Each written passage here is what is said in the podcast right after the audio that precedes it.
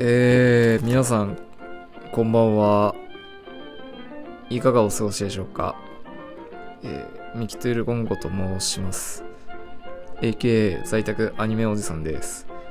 えー、在宅中はアニメ見てます。えー、実は私、おとといワクチン3回目、えー職域接種行ってきたんですけど、えー熱が39度7分まで行きまして、えー翌日は、えーと、在宅勤務に切り替えてもらって、家でずっとアニメ見てました。えー、よくやっちゃうんですよね、これ。あのーコロナ流行りたての頃に在宅勤務、テレワーク始まって、ずっと、まあ見ちゃいますよ、アニメを。で、その時暇だったもので、何見てたかなあ、まあ手当たり次第にアニメ見てましたね。興味あるやつないやつ。えー、そんなこんなで、全然仕事はかどらず、まあ明日でいいやっつって、寝て起きて、パソコンつけて、えースマホでアニメ見て、えー仕事終わらず明日でいいや、えーこれの繰り返しでした、え皆さん在宅仕事ちゃんとできてますか？ああそうですか。それは良かったです、え在宅の怖いところはねあのまあスイッチがオンにならないのは全然まだ可愛いもんだというかまあ人間そういう風にできてるんじゃないかなって、えー周りの目がないところとか、まあそういうところでも真面目にできる人っていうのは、まあ、僕の常識の範囲ではそういう人は存在しないんですけど、まあ怖いのは、えースイッチがオフにならなくなる。これが危険ですね。えー良くなりました、私。あのーまあ、暇な時は、とりあえずアニメ見ちゃいますよね、皆さん。で、まあ、忙しい時も見ちゃいますよね。そうなると、その日の仕事が、まあ、もちろん翌日に持ち越されて、で、翌日もアニメ見るから、翌々日に持ち越されて、えーこれ繰り返していくと、うん、休みの日も終わらなかった仕事のことが、えー頭に引っかかって、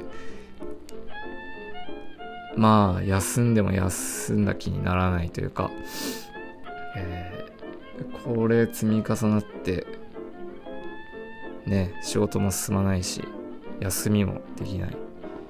えー家にいても話すのは、まあ、在宅の、その、支給された会社の車両形態。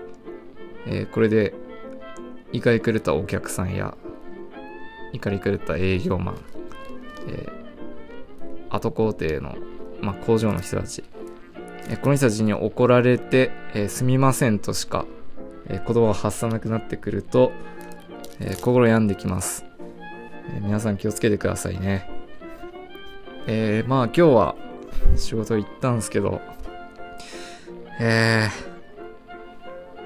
ー、まあ実は暇なんですよね、最近。えーっていうのも、まあ私、今度移動になるんですけど、あの、まあ、やる仕事は変わらず部署だけ移動して、その移動した先の取引先の物件を、まあ、今まで通りパソコンカチカチやるんですけど、えー、まあ、嵐の前の静けさというか、こう仕事の性質上、なんていうんですかね。まあ、私やってるのがプルカットって言って、えーまあ、お客さんが工務店だったりハウスメーカーだったりしてそこから送られてくる衣装図を見て、えー柱の位置だったりとかその上に乗ってくる梁の位置とその柱が飛んでるスパンによって針性を決めたりして図面をまず初期図面を作成してそれをお客さんに送る。でお客さんがこのえー、プレカット図で OK ですと言われたら、えー、工場用のデータを作る。まあ、最終的なチェックをして、えー、なんていうんですかね、収まり、えー、これ天井から出ませんかとか、まあそういう問題がないかをお客さんに確認して工場用のデータを作る。えー、ここまでが私の仕事で、えー、そこから、そこからというかまあ、現場に搬入される5日前までにデータ作成して工場に送らないといけない。まあ、前後の工程があるわけで、えー、ていうんですかね。まあ、それを一人で100と200頭近く、まあ、物件を抱えて実際の入力だったり訂正だったり、えー、そういうのはあのベトナムとか中国で、えー、安い賃金で図面書いてる人たちがいるんでその人たちにお任せしちゃうんですけどまあななんだろうな。結構固まるんですよね搬入日っていうのが。不思議なもんで。あのやっぱ日本の文化というかカレンダーの右上、右下とか、その日の、まあ、例えば3月10日、10が右上に書いてあるとしたら、左上とか左下に小さく、あの、対案とか、なんかよくわかんない熟語が、まあ、書いてあったりすると思うんですけど、えー、それを見て、あ、この日はいい日だから、土台思考とか、この日に上等しようとか、えー、意外と日本人そういうところ気にするので、えー、ここの、この、え、例えば、15日の、この大安の日に、消灯剤持っていこうってみんな思うんで、アホみたいに。そうすると、その15日から5日前、えー、14、13、12、11、10、9日、昨日、えー、昨日のうちに、えー、最終データを作らないといけない物件が大量にドンと、この日によろしくって言われちゃったりするんで、まあめ、そういう日にね、めちゃめちゃ忙しくなったりするんですけど、アホですね、日本人って。どうするんですかね、そんなこと気にして。誰が作ったんですかね。いやー、作ったやつが悪い。ああ、信じるやつも悪いけど。まあそんなこんなで何て言うんでしょうまあ波が激しいですね忙しさに。で急が、えー、一番気をつけなきゃいけないのは最終データを作る前の最終チェック。まあそれはそうなんですけど、えー、まあなんていうんですかね一日何頭とかって決まってなくてこうあなんとなく今手持ちの物件少ないなと思っていてもそれが一気に来ると一気にそのこの日搬入って決まっちゃうとまあ途端に仕事回 回らなくなったりして。うーんなんていうんですかね。まあ今暇です。すいません。えー、暇なんでアニメ見てても余裕でした。昨日見てたアニメは、なんだっけな。あ、平家物語ってアニメ見ました。知ってますか皆さん。平家物語、どういう始まりだったっけな。よく覚えてないな。あんまり興味ないんで、覚えてないです。けど、まあ、見てました。飽きませんでした。感想は以上です。あとはね、最近見てるアニメ。あ、進撃の巨人見てます。知ってますか？皆さん。さすがに知ってますよね。あのー、これ僕、中学1年生か2年生かの時に連載が始まって、えー、その時から、まあ、なん、なんか面白いかっけえって言って、あれ月間なんで4ヶ月に1回ぐらい単行本が出るんですけど、それを中1、中2から買って読んでました。うん。面白いよねあれ。やっぱり面白いよね。えー、まあ最初は主人公が巨人と戦う。まあ気持ち悪いですよ。巨人のビジュアルもいい具合に気持ち悪くて。あああのあの時の巨人あいつに似てるよな。2組の工藤に似てるよなとか。お前貴公子なんとかってまあどの学校でもやってますよね。まあ一大ブーム巻き起こして。巨人か、えー、エレンかっけえ。ミカサかわいい、えー、なんてずっとやってたと思うんですけど。ああエレンが巨人になっちゃってね。え何？そういう感じ？エレン巨人になれちゃうの？あかっけえ。えその時はねかっこいいと思ってました。エレンが巨人になれること。えところがどっこいこれが、えとんでもない伏線というか。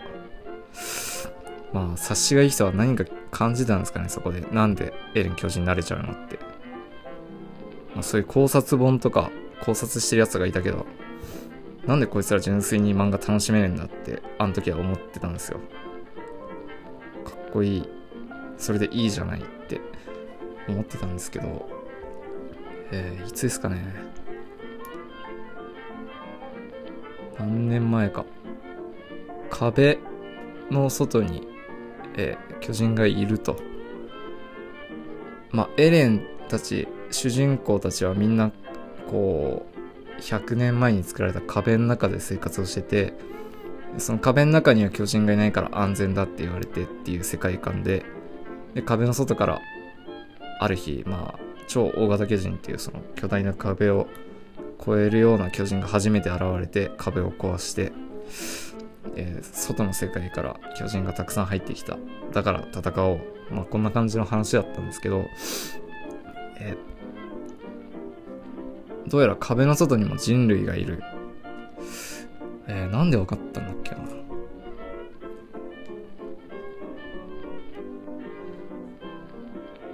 れ覚えてねえな。あれ？なんだっけ？んまあ面白いんで読んでみてください。アニメも見てください。在宅期間中にね。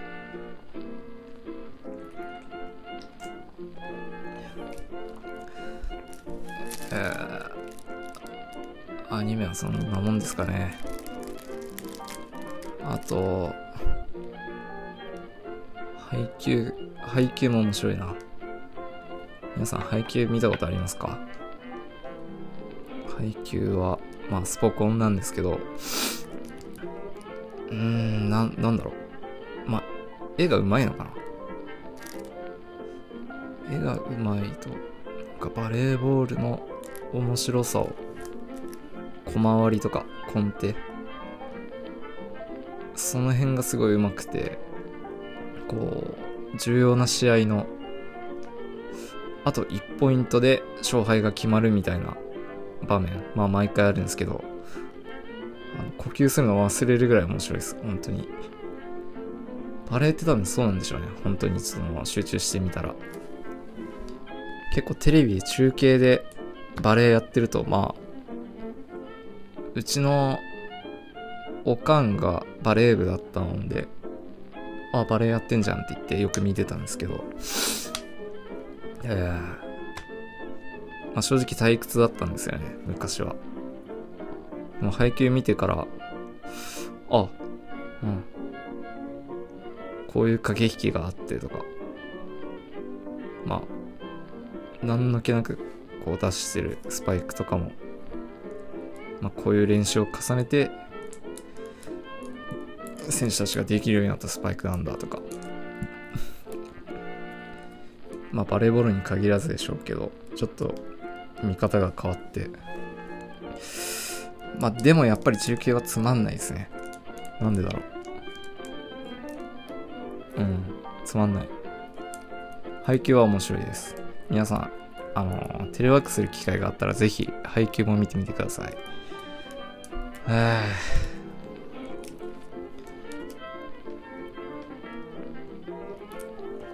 何何言ってんだこれ。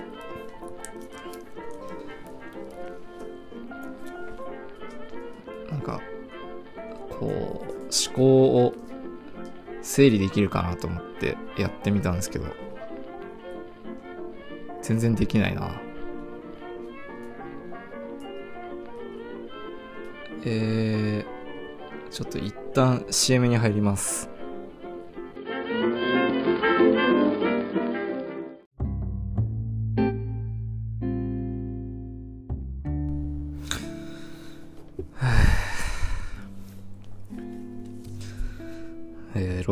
ボタンを押したはいいものの、ベースに話すこと決まってないです。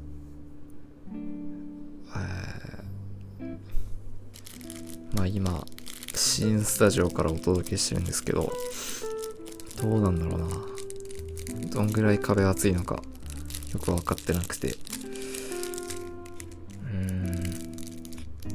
まあ一応 RC の建物を選んで、ギターを弾けるようにと思って選んでるんですけど、あの、床が薄いというか、まあ防音措置全く取られてないみたいで、上の階の足音がえげつないぐらい聞こえるんですよね。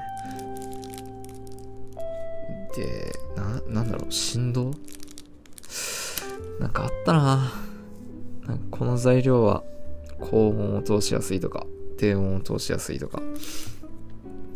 この間寝てたら、すごいおじさんの地響きみたいな声がずっと聞こえてたんで、低い声が聞こえちゃうんですかね。まあ、仮に俺のこの収録を隣の人が聞いてたとしたらどう思うんだろうなってふと思って、えー、鳥肌立ってましたけどなんでやめようかななんかダメだねラジオ。難しいですね。おじさんがやるもんかな。いやーなんだろう。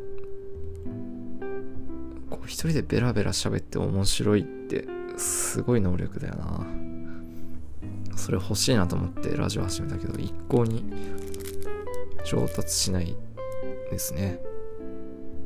一人で喋れば意外と喋るんじゃないかと思って今日撮り始めたけど。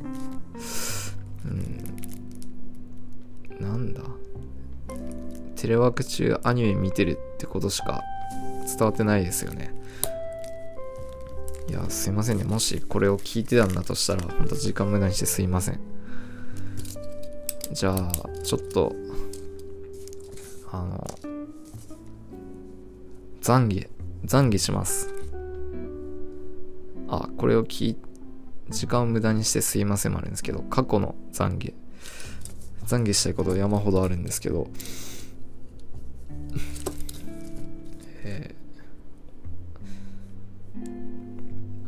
懺悔したい人。過去のね懺悔したい人に対して、まあ、懺悔したかった気持ちをこのラジオを通して伝えちゃおうっていうそういう魂胆で新コーナー懺悔。始まります、えー、では参ります、えー、中学時代の矢作くんメガネサッカーしてごめんなさい。矢作くんっていう、まあ、同級生がいたんですけど、よく彼のメガネでメガネサッカーやってましたね。うん、なんだろう。こうメガネ貸してって言って、メガネ取って、廊下出て、床に置いて、サッカーしてました。まあ、矢作くん嫌だっただろうな。おい、やめろよやめろやって言ってました。まあ、やめなかったですね。休み時間のたびにやってたような気がするな。うん、まあ僕はね、結構グラインドパスメインだったんですけど、シュート打つやつがいてね、渋谷っていう、あいつ結構容赦ないんで。うん、おい、また、またメガネ歪んじゃったじゃねえかよ。って八木くん言ってましたね。八木くんなか複雑な家庭で、まあ、弟と妹、年の離れた弟と妹がいるんですけど、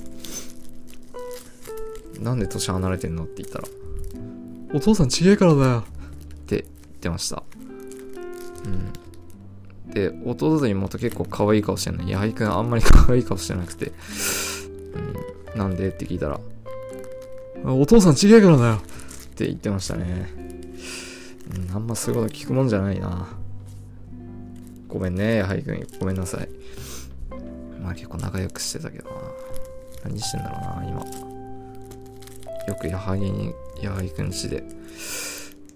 うん、モンハンやってたな。